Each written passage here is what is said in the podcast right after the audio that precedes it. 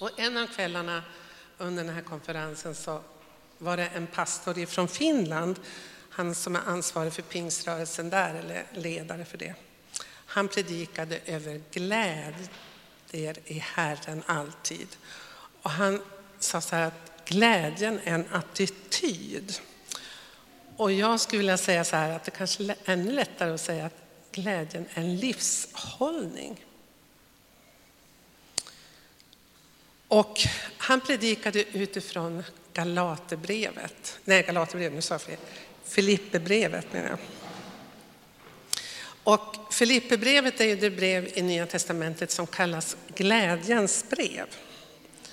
Och det är egentligen ganska otroligt därför att Paulus han skrev det här brevet när han satt i fängelse. Och han väntade på kejsarens dom.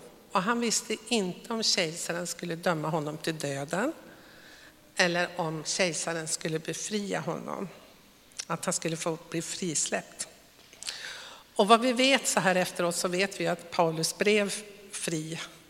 Men sen så fängslades han längre fram och led martyrdöden. Men Paulus visste inte när han skrev det här brevet alls någonting om sin egen framtid. Det var lite speciellt för han satt i husarrest och han hade en boja runt sin arm som också var knuten till en fångvaktare. Och fångvaktarna brytte om varandra så de kom och de var inte med honom dygnet runt, det gjorde de inte, utan de kom och byttes av hela tiden. Men Paulus hade alltid en fångvaktare som han var bunden till. Och det kan man ju, ni kan ju tänka er hur det skulle kännas. Jag började tänka på det, men hur gjorde de när han skulle sova på natten? Ja, en sån där grej. Eller gå på toaletten, eller på att säga. Mm. Paulus inre är uppenbart fyllt av glädje och tacksamhet trots de yttre omständigheterna. Paulus var begränsad i sin egen frihet. Som sagt var, han satt bunden. Nu får vi nog vänta tills telefonen har ringt. Paulus var bunden, men trots det så talar han om glädje oftare i det här brevet än i något annat brev. Paulus var också bekymrad över situationen som var i församlingen i Filippi. För han hade fått veta att det hade kommit villolärare kan man säga, till den församlingen. Och de här villolärarna de påstod att det räckte inte för de som var icke-judar, alltså hedningar, att bara tro på Jesus Kristus för att bli frälst. De var också tvungna att omskära sig och hålla den judiska lagen. Och det var ju inte något evangelium som Paulus hade predikat. Och det var Paulus som hade grundat församlingen. Det kan vi se när vi läser i Apostlagärningarna. Så när de här villolärarna kom och började predika ett annat evangelium kan man säga. Då var de ju tvungna att undergräva Paulus auktoritet. Så att vad han sa var inte så viktigt att lyssna till. De ifrågasatte det. Och det ser vi i det första kapitlet, redan där så säger han så här, vers 15. Visst finns, det av, visst finns det en del som förkunnar Kristus för att de är avundsjuka och vill ställa till bråk. En del däremot har goda avsikter och det förkunnar av kärlek. De vet ju att jag är satt att försvara evangeliet. Men det andra är bråkmakare och talar om Kristus inte av rena motiv utan för att göra det svårare för mig i min fångenskap. Än sen, falska eller hederliga syften. I vilket fall som helst blir Kristus förkunnad och det gläder jag mig över. Tänk att Paulus kunde sitta där i fängelset och så fick han höra om de här villolärarna som pratade illa om honom. Och så kunde han tänka sig, äsch, det spelar väl ingen roll, huvudsaken är att Kristus blir predikad. Vad jag, vad de säger om mig är inte så viktigt. Det här tyckte jag var lite, jag hade inte tänkt på det förrän den här predikan som jag hörde. Jag ska säga tre saker kort här om glädjen i Herren. För det första, glädjen i Herren är inte beroende av yttre omständigheter. Det kan vi se när vi läser Filipperbrevet. Utan den är förankrad, självklart, i Herren Jesus Kristus. Glädjen är förankrad i honom. Och jag ska läsa lite mer här. Jag läser det igen. Jag läste kapitel 4, vers 4 och framåt. Gläd er alltid i Herren. Än en gång vill jag säga gläd er. Låt alla människor se hur fördragsamma ni är. Herren är nära. Gör er inga bekymmer. Utan när ni åkallar och ber, tacka då Gud och låt honom få veta alla era önskningar.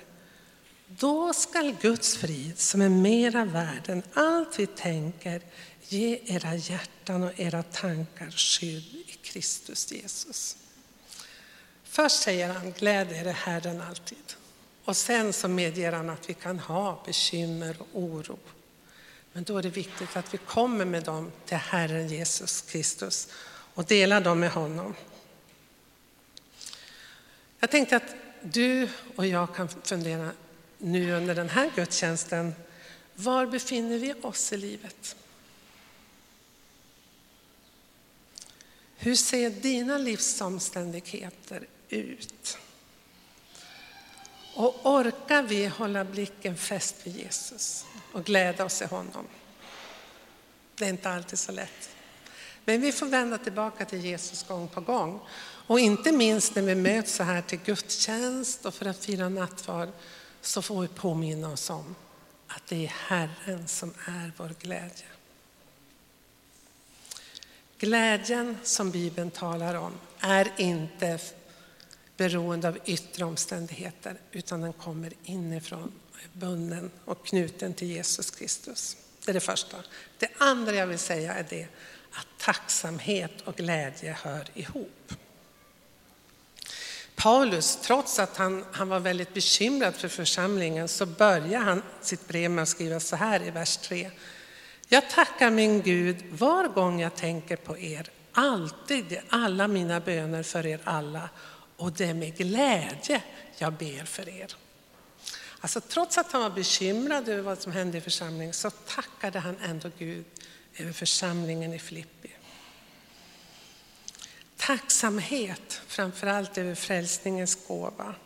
Det är Kristus som är källan till vår glädje. Paulus han skriver att för mig är livet Kristus och döden en vinning. Han hade funnit en glädje som var liksom större än själva livet här nere. I veckan så läste jag i en damtidning, jag ska inte säga vilken, så ingen reklam här, en damtidning om att det engelska ordet gratefulness, gratefulness att det har blivit ett modeord. Och gratefulness på engelska blir tacksamhet på svenska. Men i den här artikeln så menar de att den litteratur som skrivs om det här begreppet gratefulness i engelskan så skiljer man på att vara grateful och att vara tacksam. Och man menar så här, tacksam, det är när vi tänker för, på saker och ting som vi känner tacksamhet och glädje över. Alltså vi ger respons på någonting. Och vi kanske, jag hoppas att vi kan tänka på saker och ting som vi har att vara tacksamma över. Men så menar författaren till den artikeln att grateful, eller gratefulness, handlar om något som man är. Att man är tacksam. Och man behöver egentligen inte ha någon annan anledning än att vara tacksam. Och den här artikeln var ju inte skriven av en kristen, men då ska jag väl säga som kristen så har man ju sin tacksamhet förankrad i Herren. Men i den här artikeln då, nu undrar ni vilken tidning det var, det var tidningen M, så då vet ni det. Det, står det, det var en psykologiprofessor som heter Brent Atkinson. Han hävdar så här att man har observerat oss människor och våra hjärnor. Man säger det att om vi gör saker återkommande, till exempel vi tränar eller vi eh, övar oss i sång och musik kanske, så blir vi naturligtvis bättre och bättre på det vi gör ofta. Och då menar han att detsamma är om vi övar oss i tacksamhet. Om, och många författare, jag läste inte bara i den här tidningen och många andra säger så här, att om man tar en stund varje kväll eller varje dag och tänker efter, vad har jag att vara tacksam för idag? Då övar man sig i tacksamhet. Och då blir det precis som hjärnan gräver nya eh, vägar. Istället för att vara lite ledsen och sorgsen bara, eller kanske bitter, så kan man bli tacksam och glad. När jag skulle förbereda det här så kom jag också att tänka på en, en bok som jag läste när jag utbildade mig till pastor. Det är en sån här bok som nästan alla som läser psykologi får läsa. Den heter Meningen med livet och skriven av Viktor Frankl. Viktor Frankl han var jude, jag tror inte han lever idag. Han levde under andra världskriget och blev fången i koncentrationslägret men överlevde. Men under den tid som han var i koncentrationsläger så la han märke till att det var väldigt olika på hur människor förhöll sig till det enorma lidanden som de var utsatta för. Och det han framförallt tänkte på, kom fram till, det var ju det här att de som såg en mening med livet och någonting som de hade sett fram emot. De tänkte när jag kommer ur koncentrationsläget, då ska jag göra det här och det här. De hade större chans att överleva. Men han sa också, och det som jag framförallt fastnade för och som jag kommer ihåg 30 år drygt efter jag gick och läste den här boken första gången, det var det han säger. Människan kan bli fråntagen allting, precis allting. Då kan man tänka sig mer avklädandet än att vara i ett koncentrationsläger. Men då säger Viktor Frankl så här. Men ingen kan ta ifrån oss friheten att välja attityd till de givna omständigheterna. Ingen kan ta ifrån oss friheten att välja attityd till de givna omständigheterna.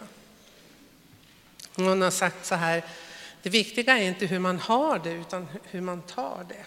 Det är liksom samma sak. Men tänk att man kan säga det efter att ha suttit i koncentrationsläger. Tacksamhet och glädje hör ihop. Och för det tredje, det sista. Glädjen i Herren för Paulus var alltid förankrad både i det något som hade skett i dåtid, alltså att Jesus Kristus har dött och uppstått för vår skull. Men också i framtiden. Han såg fram emot att få möta Jesus Kristus när han kanske skulle dö eller om Herren skulle komma tillbaka innan han skulle dö. Och därför var det lidande som han mötte här och nu för det första, inget, för, för Paulus var lidandet ingenting oväntat oavsett, för han menar på att som Kristi lärjunge och framförallt som apostel måste man vara beredd på lidande. Men denna tidens lidande betyder ingenting i jämförelse med den härlighet som väntar oss i den kommande tiden, skriver han i Romarbrevet. Så glädjen är förankrad i någonting som har skett, dåtid som vi ska fira idag. Den är också förankrad i framtiden, för vi vet att Gud är historiens Gud. Han kommer att se till att han segrar till slut. Därför kan vi möta de lidande som vi går igenom här och nu på ett mer tryggt och förtröstansfullt sätt. Paulus han skriver så här i tredje kapitlet i i Filipperbrevet där han, där han säger att allt det som han tidigare har räknat som något väldigt viktigt och betydelsefullt i livet är i jämförelse med att, få, att han har funnit Kristus ingenting värt. Och så säger han i vers 10 så här. Jag vill lära känna Kristus och kraften från hans uppståndelse och dela hans lidande genom att bli lik honom i en död som hans. Kanske jag då kan nå fram till uppståndelsen från de döda.